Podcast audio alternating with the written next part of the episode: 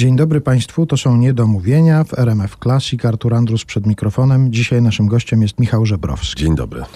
I po pierwsze jestem zaskoczony tym, że o takiej porze, o 10 rano, Aktorzy są podejrzewani o to, że raczej takich pór nie uznają. Ja jestem aktorem y, już tylko tak, żeby odpocząć od czasu do czasu idę do pracy. Generalnie budzę się 6.50 codziennie rano, mam 20 minut dla siebie, potem budzę jedno dziecko, drugie, trzecie, czwarte i tak potem dowożę zakupy, jeżdżę, przywożę, pytam się małżonki, co mam jeszcze zrobić. A jak jest taki dzień, w którym mogę iść do pracy, do teatru, a czasami się tak zdarza rzeczywiście nawet bardzo często, to wtedy odpoczywam w pracy. Mhm. Także ja... wstawanie ranne jest dla mnie codziennością i to taką bolesną. A ja przypuszczałem, że to może kwestia przeprowadzenia się na wieś w pewnym momencie, że to trzeba oporządzić, bo widziałem na filmach jakieś takie na przykład dwa psy, które na pewno trzeba, patyczek mu rzucić rano tam Ach, o siódmej. Moje pieski kochane, one, one są, to są przyjaciółki dwie, bo jakieś już się kąpie, to one już mają głowy tak włożone w, w takie okienko w sutenerze i tak i czekają, kiedy się zacznie dzień, kiedy będzie zaczną rzucać patyki. Aha. No więc... Ale to ta przeprowadzka na wieś nie spowodowała jakiejś zmiany trybu życia? Nie no, bez przesady. Ja, my jesteśmy cały czas w Warszawie, a tam spędzamy każdą wolną chwilę w naszym niewielkim gospodarstwie, które służy odpoczynkowi. Mhm. Natomiast już wracając do, do zwierząt, to kot rudy mój który, no, on mieszka w, w, w, domu, bo tamte dwie są poza domem. Natomiast y, nie mają prawa wchodzić, bo są, są szczęśliwsze poza domem, a ten jest właścicielem i rządzi w domu. To on jest mniej wyrozumiały, bo po prostu jak tylko widzi, że kończę jakiekolwiek y, obowiązki z dziećmi, to natychmiast staje, patrzy takim bezwzględnym okiem i miau, i się domaga po prostu wiecznie jedzenia. Jest, jeszcze jak już mu niosę po raz tysięczny te saszetki to jedzenie jeszcze mi zabiega drogę, obija się o kolana, jeszcze pokazuje, gdzie mam dokładnie wrzucić. No, to jest koszmarem, no koszmarem. No, od tego się jest kotem, żeby tak. wprowadzić swoje zasady w domu. Podporządkował sobie mnie totalnie. Będziemy rozmawiać może też jeszcze o zwierzętach, ale jednak głównie w stronę zawodowych spraw będziemy zmierzać w tych niedomówieniach, zwłaszcza, że się zbliża jubileusz. Zdaje się, że nawet dwa jubileusze. Zacznijmy od jubileuszu Teatru Szóste Piętro. To już właściwie teraz, bo to w marcu są obchodzone te urodziny. Trzynaste, tak? Tak, tak, tak, tak. No byłyby, no w 2010 rozpoczęliśmy działalność, czyli tak, tak, zgadza się. No, jubileusz. E, no, ja generalnie nie lubię tych wszystkich świąt i tych takich, chyba że są okrągłe. Mhm. Ale rzeczywiście to jak z bicza strzeliło trudno sobie w ogóle wyobrazić, co by to było, gdyby tego teatru nie było w naszym życiu, bo on nam absolutnie wypełnił czas na naszą. A coś sobie planowaliście z Eugeniuszem Korinem, jak to powstawało? Ile to może potrwać? Na przykład takie rozmowy były? Nie, nie. No, to, ten teatr był jakimś wynikiem mojego szaleństwa i, i takiej niezłomnej pasji i wiary i, i, i woli, żeby to powstało i chęci zaangażowania i przekonywania Eugeniusza ze zbitką wiedzy, mądrości, doświadczenia Eugeniusza, który był już wieloletnim dyrektorem Teatru Nowego w Poznaniu.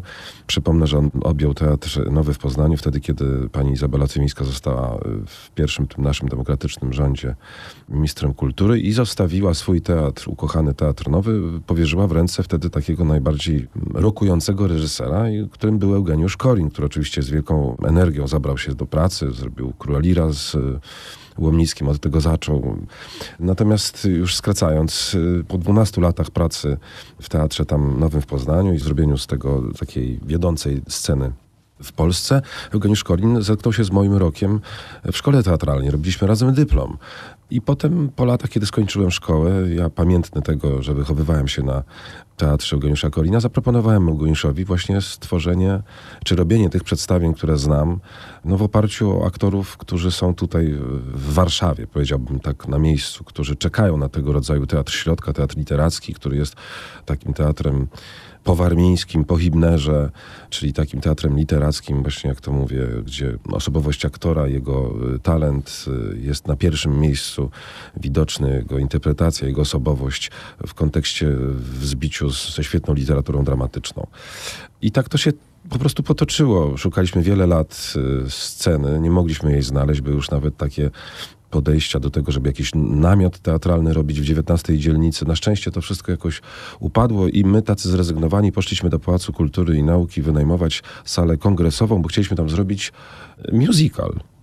Ale powiedziano nam, że sala kongresowa nie podlega takim żadnym zniżkom, ani żadnym tego rodzaju jakimś propozycjom teatralnym, ale co powiemy na teatr, na salę na szóstym piętrze, bo jest taka zapomniana, stoi tam pusta, nikt tam nic nie robi. Raz w roku tam obrady miasta są, jak jest, jest jakaś sala awaryjna na czasy, kiedy nie będzie tej ich normalnej sali można wykorzystywać. Ja mówię, jaki jest, jaka sala na szóstym piętrze? No taka jest tam na górze, niech pan wejdzie. Pojechałem, pamiętam wtedy już nieżyjącym dyrektorem Siedzieniewskim na górę, wszedłem, no i zobaczyłem piękną salę, całą w drewnie, koncertową salę, jak przystosowaną właśnie do muzyki, do koncertu, ze świetną akustyką, ale ona była niezaadaptowana do potrzeb teatru. No i zadzwoniłem do Eugeniusza, mówię, słuchaj, no nie, rzecz nie bywała, nikt o tym nie wie. Nawet Zapasiewicz, Cholubek, którzy tutaj za ścianą mieli te wiele lat dramatyczne, kiedy im mówię o sali koncertowej, to mówię, pierwsze słyszę, żeby tam jakaś sala była. No i weszliśmy i zaproponowaliśmy wtedy y, miastu to, że y, jeżeli doposaży i, i, i zrobi z tego teatr, w którym będziemy mogli grać przedstawienia, pokazywaliśmy, jaki mamy plan artystyczny na trzy lata, to my wtedy z czynszu to wszystko oddamy w ciągu trzech lat. Oddaliśmy w ciągu roku, no bo, bo tak nam to wtedy wypaliło. I tak to się po prostu potoczyło, tylko no, planując jeden sezon, drugi, trzeci w teatrze i to jeszcze takim właśnie kontraktowym, tak naprawdę z jednego roku robią się trzy, z trzech lat robi się sześć, a z sześciu dziewięć, a za chwilę z trzynaście, a za chwilę już mam czwórkę dzieci i już jestem siwy i łysy. No po prostu to jest niebywałe, jak to się szybko rozwija. I, I, szybko czas leci wtedy, kiedy się organizuje nie tylko sobie pracę innym, całej strukturze, hierarchii, znaczy no, no, organizacji powiedziałbym. Powiedziałeś tam, że zaplanowaliście sobie na początku plan artystyczny na trzy lata, uh-huh. a w tych takich rozmowach właśnie wstępnych z Eugeniuszem Korinem określaliście sobie jakiś czas próby? No, no, no na pewno wiedzieliśmy, że rok, dwa, trzy spróbujemy. Po prostu chcieliśmy zobaczyć, czy ten teatr i model, w który my wierzymy, czy to padnie na podatną glebę. No ja wierzyłem absolutnie, no skoro się wychowałem, jestem warszawianinem, wychowałem się na teatrze literackim, którego było wtedy coraz mniej. Ludzie teatru literackiego coraz bardziej odchodzili w zapomnienie. No gdzieś tam wiedziałem, że, że jest głód tego teatru, bo było, pojawiało się mnóstwo efemeryt takich teatralnych, tak zwanego teatru festiwalowego, festiwalowego gdzie prawda mówi się bardzo coś po cichu, ktoś tam przebiegnie, jakaś jest muzyka, nagle ktoś wrzeszczy, krzyczy, potem jest ktoś buduje ścianę, za chwilę ktoś kogoś wodą oblewa, potem ktoś histerycznie w konwulsjach mówi monolog wyciągnięty z gazety i to się gra raz do roku na festiwalu w Warszawie, potem e, gdzieś tam we Francji i gdzieś jeszcze indziej i ma się na to pieniądze, to my takiego teatru nie chcieliśmy robić, bo oczywiście uważamy, że powinien istnieć i że to, proszę bardzo, można, ale myśmy nie po to kończyli szkołę i nie taki rodzaj edukacji ja generalnie odebrałem, żeby robić taki teatr. No, chcieliśmy inny robić teatr i widać zainteresowanie publiczności, że publiczność bardzo łaknie tego rodzaju teatru, który no ja, moi rodzice i dziadkowie byli wychowani na tym po prostu. No, więc... Mhm. Więc wracając do, do, pytania, no marzyło mi się, żeby, żeby się zestarzeć w tej w tej instytucji, ale, ale nie, nie wiedzieliśmy, jak, jak to będzie. No nie wiedzieliśmy, mhm. poza tym no myśmy przecież włożyli kij w mrowisko, bo myśmy powiedzieli stop rozdawaniu pieniędzy publicznych w takich no, niejasnych, że tak powiem, kryteriach, bo przecież pamiętajmy teatry publiczne, których ja, z których ja wyrosłem i, i wiele wspaniałych, cudownych rzeczy powstało w teatrach publicznych. One dostają pieniądze niezależnie od tego, jak premiera zostanie przyjęta, jedna, druga, trzecia. No i tak dyrektor takiej instytucji ma pieniądze na kolejny sezon grania. Ja nie mówię, że to jest niemożliwe. Tak też można, ale Polska, w której się wychowaliśmy, ta nowa, no, po 89 roku, dała szansę również modelowi innemu, takiemu powiedziałbym zachodniemu, teatrowi kontraktowemu, gdzie twórcy biorą olbrzymie ryzyko na również finansowe za niepowodzenie danego projektu. No chciałem koniecznie tak. No, nie wiem skąd się to wzięło. Już jako dzieciak przeczytałem Rudolfa Binga taką książkę Pięć tysięcy wieczorów w operze ten, który założył e, w Salzburgu festiwal i e, w Edynburgu festiwal. I czytałem pamiętniki dyrektorów, przyglądałem się organizacji. No, gdzieś to tam we mnie kiełkowało, ale po prostu chciałem stworzyć taki teatr, chcieliśmy stworzyć teatr, który takim ringiem zawodowym jest, dobrowolnym ringiem. Ja to porównuję do takiego, do, do boksu olimpijskiego i zawodowego, że boks olimpijski ma cztery rundy po dwie minuty i prawda, troszkę w innych odbywa się na innych zasadach, a boks zawodowy jest 12-rundowy, są 3 minuty w każdej rundzie i jeżeli chcesz być znany na całym świecie nie tylko prawda, być olimpijczykiem, ale, ale bokserem zawodowym, no to musisz walczyć z tymi najlepszymi przez 12 rund. To jest teatr dobrowolny. My bardzo polujemy na konkretnych artystów i chcemy, żeby konkretny artysta, czy to jest, przepraszam, młoda dziewczyna, która debiutuje w Wojaszku Wani, czy to jest y, dziewczyna już gwiazda, która gra edukację Rity, czy to jest y, Franceski, wielki polski aktor, czy to jest y, kabaret.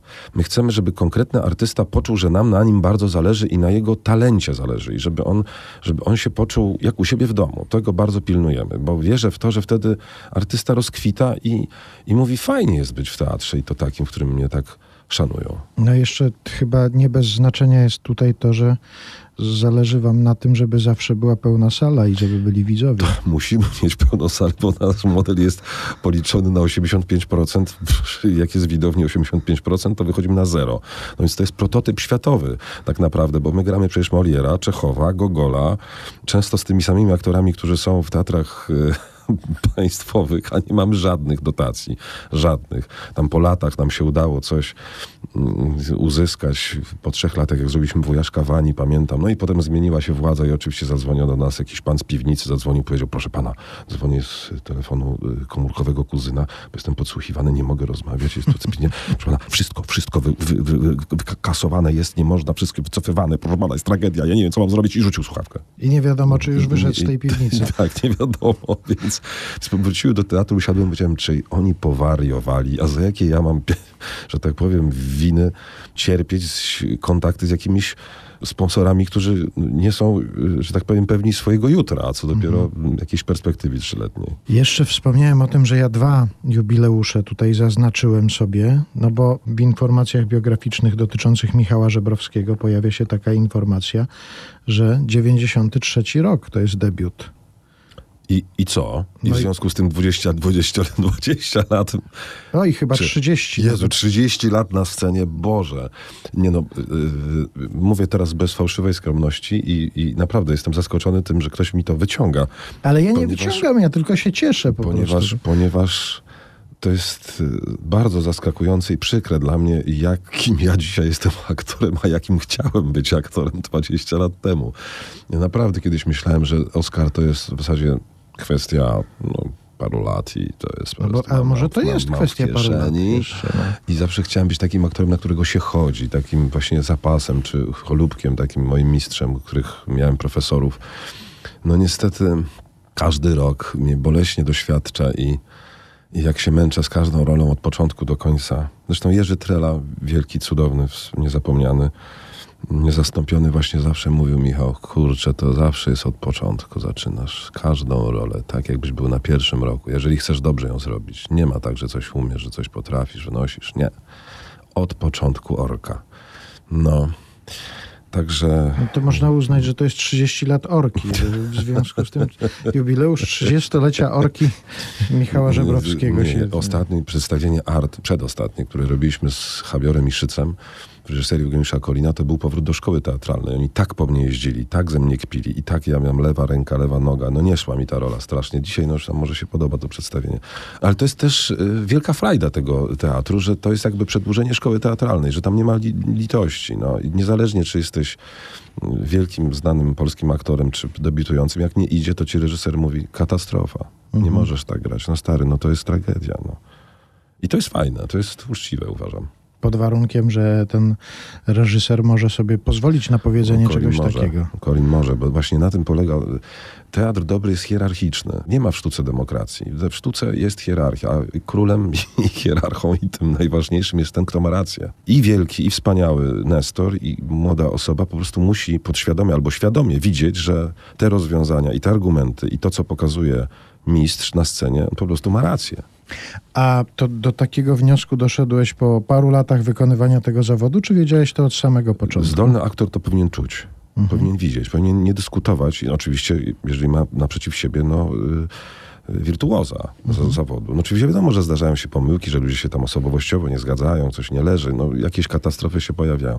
Ale generalnie, no nie no, praca powinna być twórcza, to znaczy powinienem mówić Aha, a zobacz, kurczę, to ja myślałem, że to jest tak, ale ty masz rację, poczekaj, za chwilę ci to pokażę. Tak to musi być. A przypominasz sobie jakąś taką sytuację ze swojego życia zawodowego, że dopiero po jakimś czasie doszedłeś do wniosku, że on miał rację? No oczywiście, no oczywiście i to, to jest po dziewięciu latach, ośmiu latach, sześciu latach grania, że łapię się na tym, dlaczego ja nie mogłem tego monologu tutaj jakoś wywalić, dlaczego ja nie mogłem tu przeskoczyć, dlaczego mi ktoś tego, dlaczego on mi nie powiedział. Oczywiście potem się tak się wszystko zrzuca się na reżysera, ale czasami jest taki etap w życiu aktora, że choćbyś nie wiem, jakim był reżyserem, nie przeskoczysz czegoś z aktorem, no bo po prostu on nie dorósł jeszcze, czegoś nie zrozumiał, tak mi się wydaje. Niestety muszę to również powiedzieć o sobie, że no tak, tak, to po prostu jest. No, coś, co ci się wydaje po latach proste i automatyczne, wcześniej było niezrozumiałe. Ja dosyć często pytam tutaj aktorów, zwłaszcza jakoś przy tych rozmowach z aktorami to się pojawił ten wątek, o takie zdanie albo kilka zdań, które powiedział ktoś na pewnym etapie pracy, No bardzo dobre pytanie. które zostaje na całe życie. Tak, tak. Miałem cholubka Gustawa Wielkiego, profesora, który kilka mi zdań powiedział w życiu. Zresztą Zapasiewicz też. Przed cholubek mówił tak, pamiętaj Michał, w wielkiej literaturze wszystko jest na odwrót. Ale uwaga, literatura musi być naprawdę wielka. To jest jedno zdanie.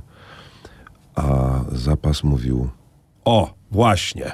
I to jest prawda, bo to jest sztuczne. No jeszcze wiele innych też technicznych uwag, które się potem...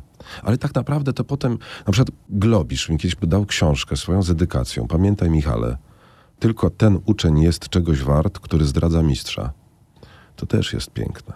W pewnym sensie trzeba zdradzić mistrzów. Trzeba powiedzieć, nie to, że jest, ja jestem mistrzem, tylko trzeba w pewnym momencie wiedzieć, że czuć, że... hmm, Jakby to powiedzieć, to jest bardzo...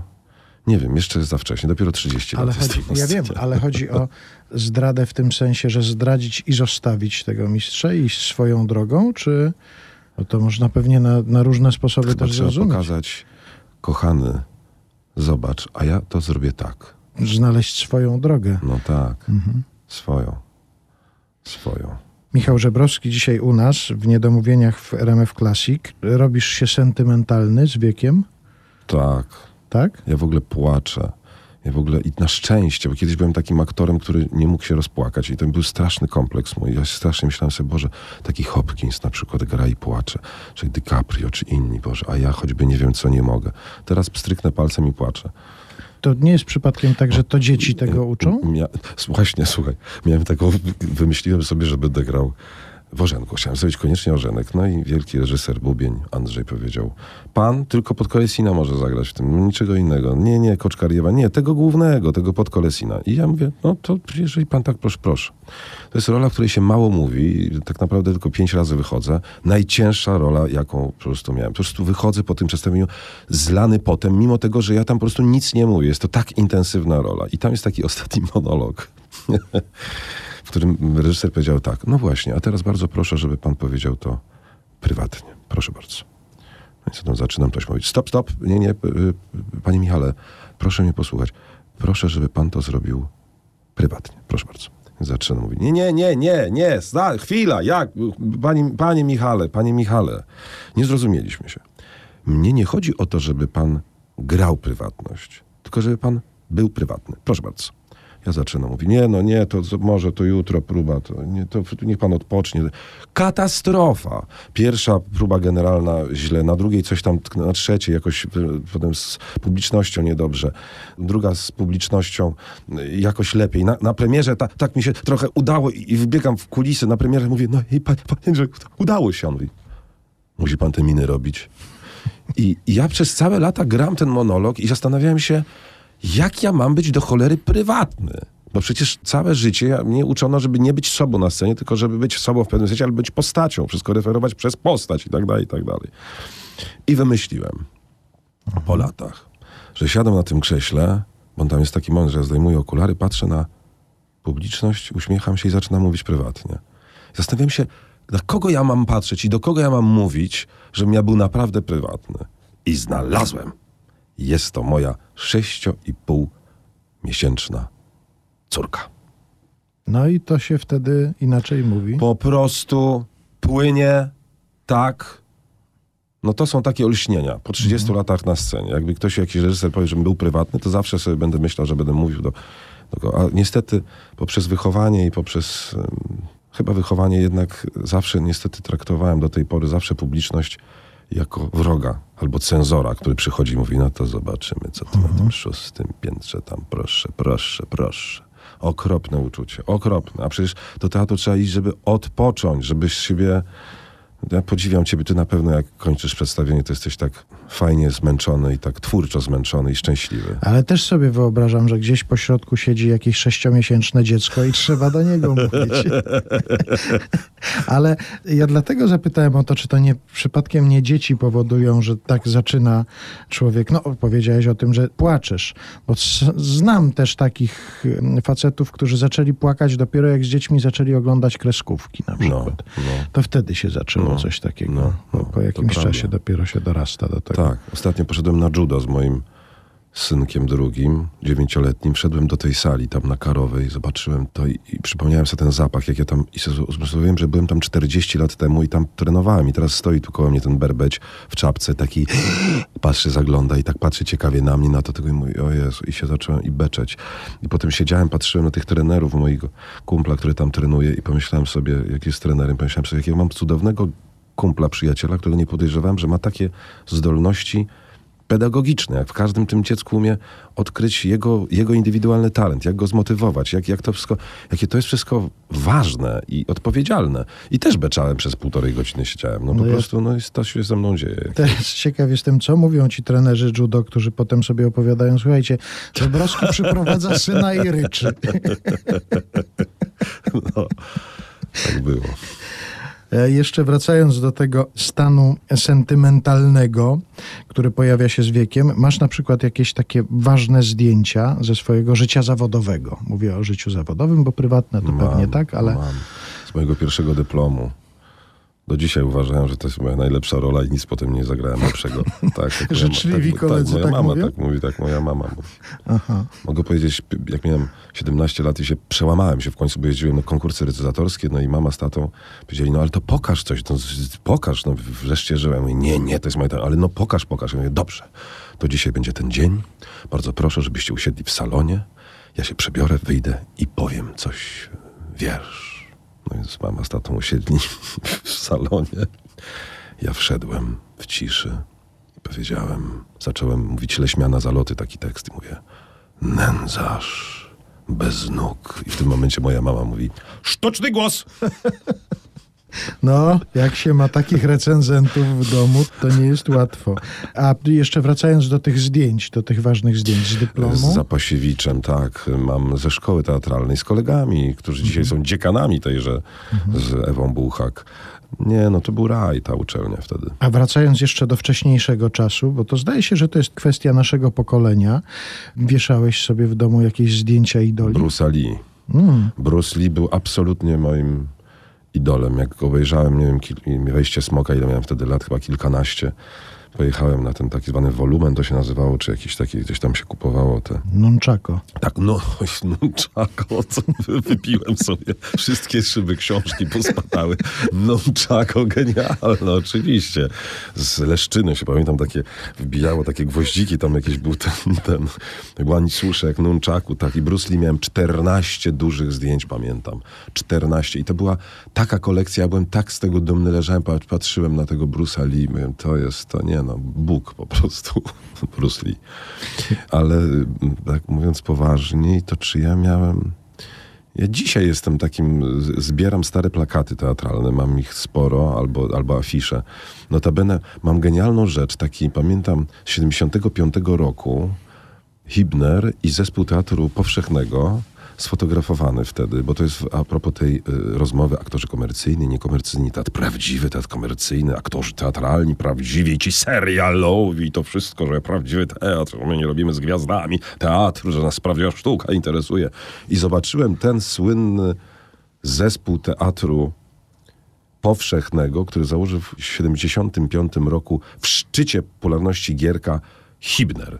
To są aktorzy Seniuk, Benoit, Przoniak, Kaczor, Pieczka, wszystkie największe wtedy komercyjne, serialowe i filmowe gwiazdy, na tle czego?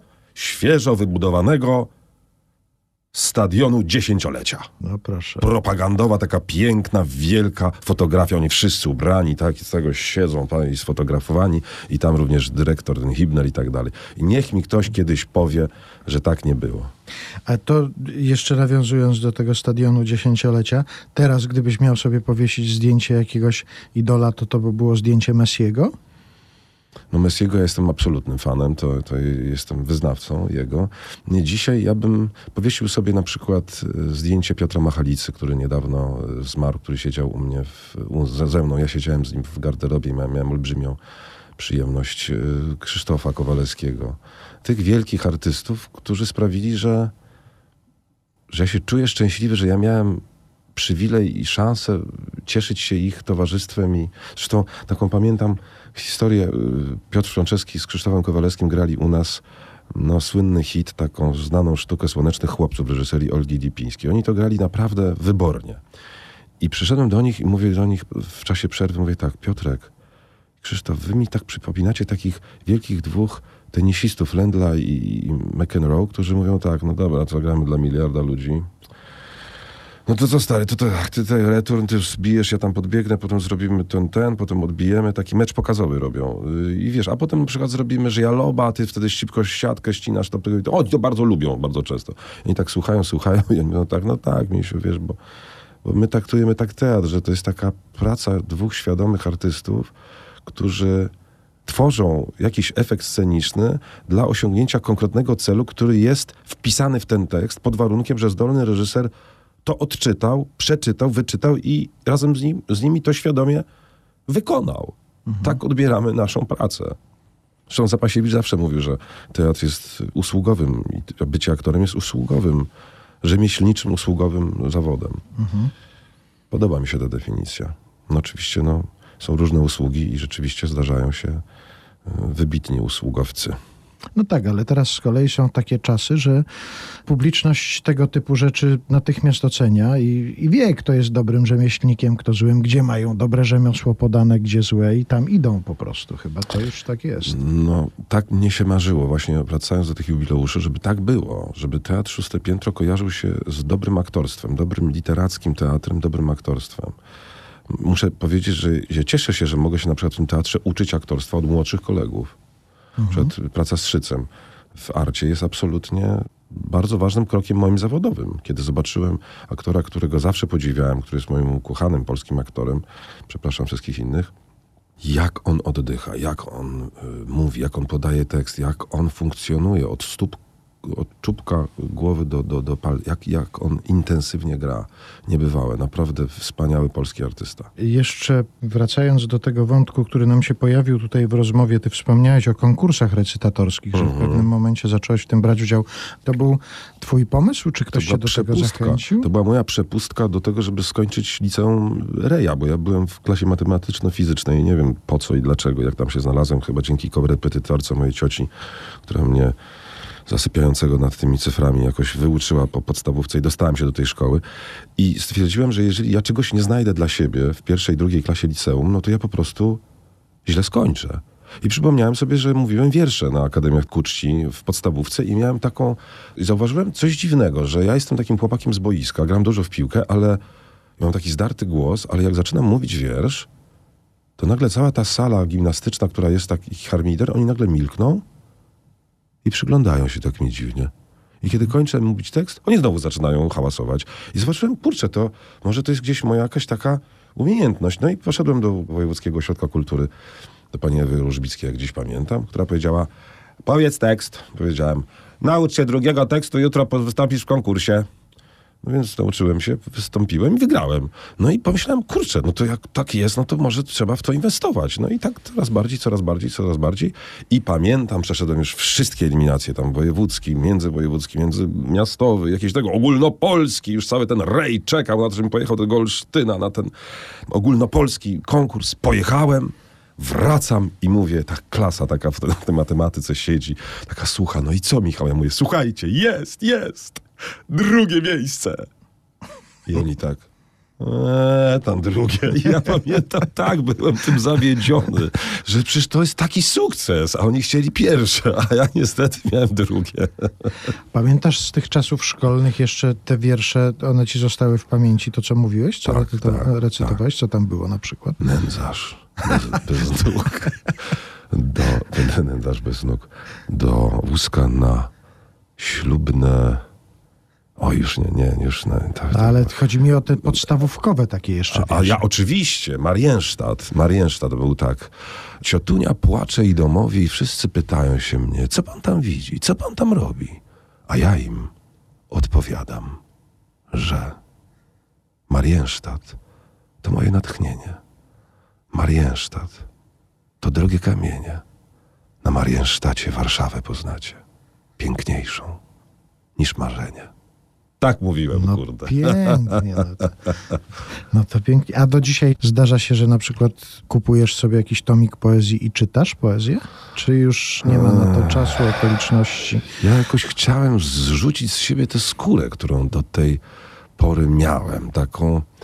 Jakoś chciałem się od tej poezji już wyzwolić. Już chciałem coś bardziej drapieżnego zrobić, bo tak już się kojarzyłem wyłącznie z poezją i to było bardzo autentyczne. I ja naprawdę wszystkie te płyty, te wszystkie przeboje, one płynęły. Mój debiut w ogóle z tego wyniknął, bo ja byłem tak zakochany w literaturze romantycznej. Chodziłem na zajęcia do Zapasiewicza i na te, i na te, na swojej grupy, i na tej drugiej grupy. Po prostu uwielbiałem to mówić. Potem Englert dostrzegł to we mnie, obsadził mnie w Kordianie, potem w Konradzie i jakoś gdzieś tam na, na tym wypłynąłem tak naprawdę na szerokie wody. Ale to było tak klasyczne i to było już takie, takie na koturnie. E, Zresztą do dzisiaj tak mam wrażenie, że jestem taki na koturnie, że no ale ktoś taki musi być, no to może już tak niech będzie. I, I chciałem to jakoś uwolnić się od tego jakoś bardziej tak, potem Herbert mnie strasznie wciągnął i zresztą na dobre, no do dzisiaj uważam, że to jest nasz niedoszły noblista. A jak się okazało, że będziesz grał w filmie Pan Tadeusz, to pomyślałeś sobie, że to się da zagrać w ogóle wierszem film? Tak, tak, dlatego, że mnie uczono mówienia wierszem, a nie mówienia wiersza. I zawsze załatwianie spraw, a tam spraw jest przecież mnóstwo. Tylko wiersz jest sposobem mówienia, załatwienia tych spraw, ale jeżeli się mówi wiersz i się klepie, prawda, i tak dalej, no to wiadomo, to jest nie do zniesienia, no ale po to miał takich artystów, a nie innych, żeby to jakoś uwiarygodnić. Nie wiem, czy to jest prawdziwa historia, ale to Marek Kondrat opowiadał, nie wiem, czy słyszałeś też, że podobno Andrzej Wajda dzień przed rozpoczęciem zdjęć zapytał go, czy panu nie przeszkadza, że to jest wierszem? No tam jest wiele anegdot z tego filmu. Tam w tym filmie jest dopisane parę kwestii, których Mickiewicz nie napisał. No ale tak to się układało, żeby trzeba było jakoś tam zrymować, spuentować, połączyć scenę z sceną i wtedy ówczesny scenarzysta Wereśniak przyszedł powiedział, panie Andrzeju, ale tego Mickiewicz nie napisał. A Andrzej powiedział, ale kto czytał pana Tadeusza? Daj spokój. To a propos, mam do ciebie teraz taką prośbę. Czy mógłbyś przeczytać, to bardzo mi zależy na tym, żeby... To, to, to jest... Ja mam a, dyslekcję. O Boże, przecież to jest... Muzyk jakby sam swojej dziwił się piosence. Upuścił drążki z palców, podniósł w górę ręce. Czapka lisia spadła mu z głowy na ramiona. Powiewała poważnie, broda podniesiona. Zamilkł. Wtem coś zaczęło wiercić się w barłogu. A zagrasz ty, cwaniaczku, to samo na rogu? Nie, nie, nie. No jak są fragmenty, których Mickiewicz nie napisał, no to tak myślałem, że możemy kolejne dorzucić. Michał Żebrowski dzisiaj u nas w Niedomówieniach w RMF Classic. Przed wejściem tutaj do studia przypomnieliśmy sobie pewne nasze spotkanie sprzed wielu, wielu lat. Chyba koło 20 to było. Spotkaliśmy się w piwnicy pod Harendą w Warszawie. Tam takie wieczory kabaretowe się odbywały. I rozmawialiśmy, nie wiem, czy ty pamiętasz tę naszą rozmowę. Powiedziałeś mi, że ciebie ciągnie do takiego kabaretowego występu, że ty byś chciał czegoś takiego spróbować na scenie. To jest mój czarny sen, ponieważ ja tak strasznie zazdroszczę. Wykonawcą genialnym, powiedziałbym kabaretowo takim teatralno-estradowym, ponieważ uważam, że ten rodzaj pobytu na scenie, w teatrze jest najtrudniejszy. Dlatego, że weryfikacja tego, czy chwyta czy nie chwyta. Bo ja wtedy w tej piwnicy tam na Harendzie, ja poczułem się tak, jakbym był w takim dobrym nowojorskim klubie. Pamiętam, tam było cztery razy za dużo ludzi niż mogło wejść. Wszyscy wisieli jak obwa- obwarzanki. Siedzieli, była taka fajna, studencka, undergroundowa atmosfera. Wszystko było umowne, a jednocześnie była taka tam energia, taka... Przez wszystkie te potem gwiazdy, które ty lansowałeś na, na początku z Jeleniej Góry, tam przyjeżdżali jacyś ludzie. Pamiętam do dzisiaj kabaret Mumio, który tam jeszcze nie był Mumio, a oni mieli tam takie etiudy, kiedy wychodzili już, jak już wszyscy tam półtorej godziny już byli się wyśmiali, to oni grali potem takie, robili improwizacje na temat, na temat jakichś głupich rzeczy. To było tak... To było tak, Wyciągali tak, tak, to było rzeczy, tak tak? absurdalne, tak surrealistyczne, cudowne. To było cudowne.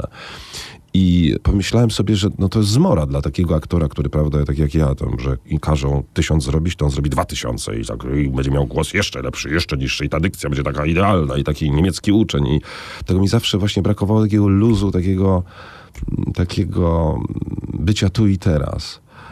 A właśnie no, na scenie trzeba być, umieć tu i teraz być. Trzeba kochać publiczność. Oni, no, musi być wymiana energii. Zawsze miałem jakiś problem z tym, ale to wynikało tam z różnych rzeczy, z dzieciństwa i tak dalej. Nie będziemy się tutaj bawić psychoterapeutę, ale...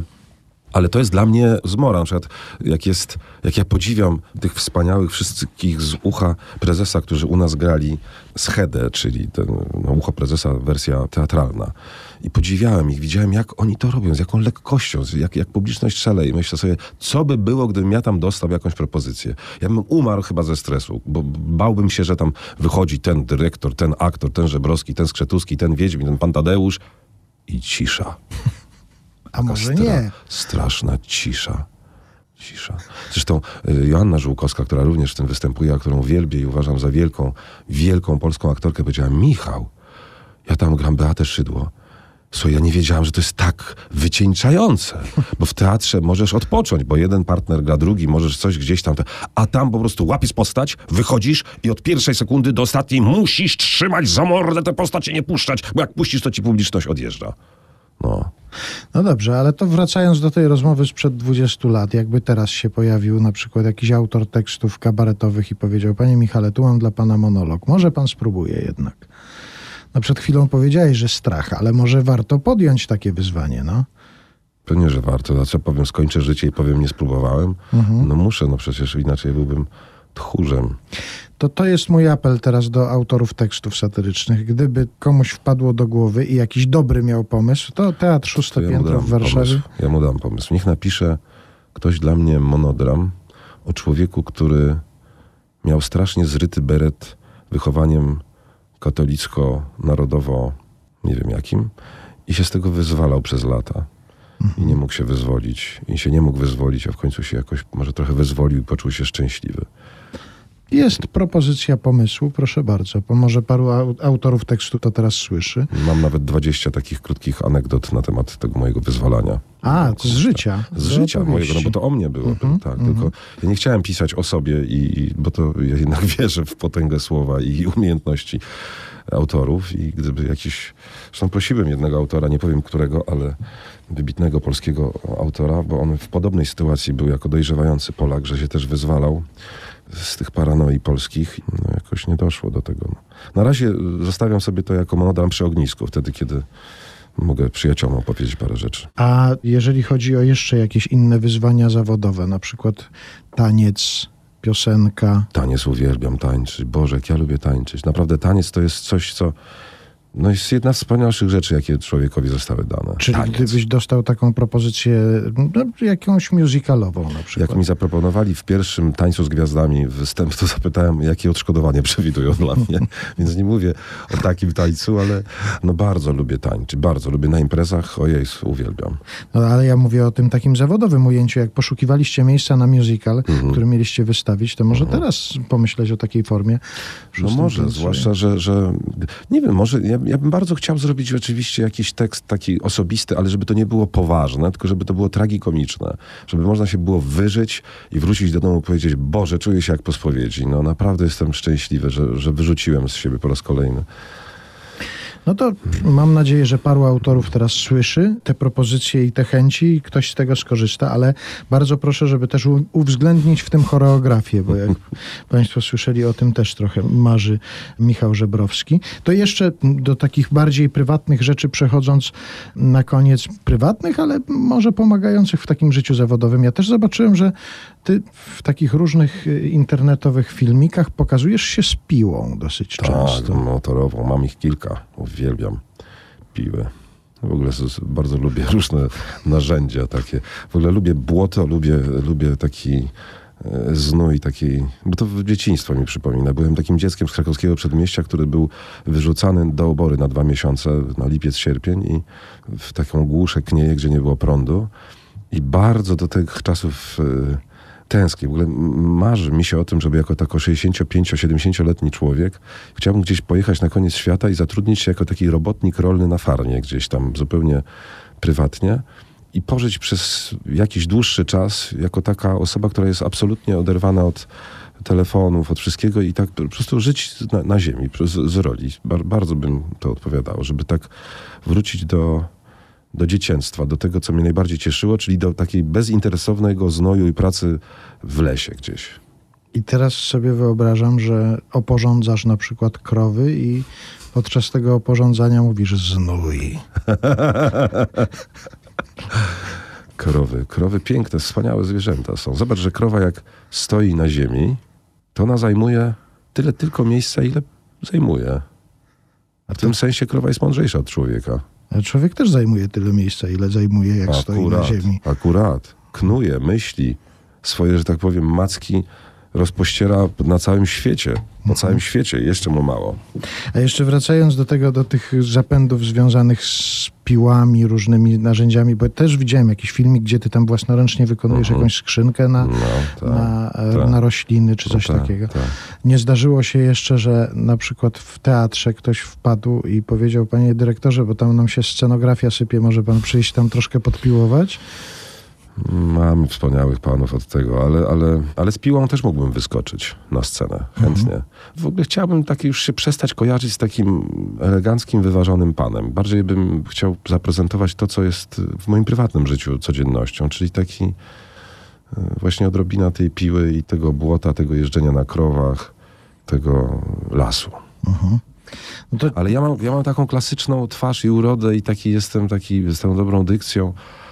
A chciałabym powiedzieć coś po góralsku, za, powiedzieć myszki monodram przecie zagrać. No to... Ktoś napisał tak dla mnie. No to- Gwarą taką. To by trzeba było prawdziwego górala o to tak? poprosić, bo to tak jak... Przeradzić troszkę po góralsku. Myślę sobie, że to z ciekawością trzeba będzie obserwować, co się będzie działo w teatrze Michała No, Żebrowskiego. trzeba, trzeba przyjść. No. Co się będzie działo u niego na scenie, jak on będzie wychodził z... Przyjdźcie pany, przyjdźcie, podcie, zapraszamy. I gdyby ktoś szukał jakiegoś oryginalnego prezentu na 13-lecie teatru Szóste Piętro i 30-lecie pracy artystycznej Michała Żebrowskiego. Piła jak znalazł. I sikiera. Bardzo dziękuję. Dzięki, dzięki. Michał Żebrowski był naszym gościem.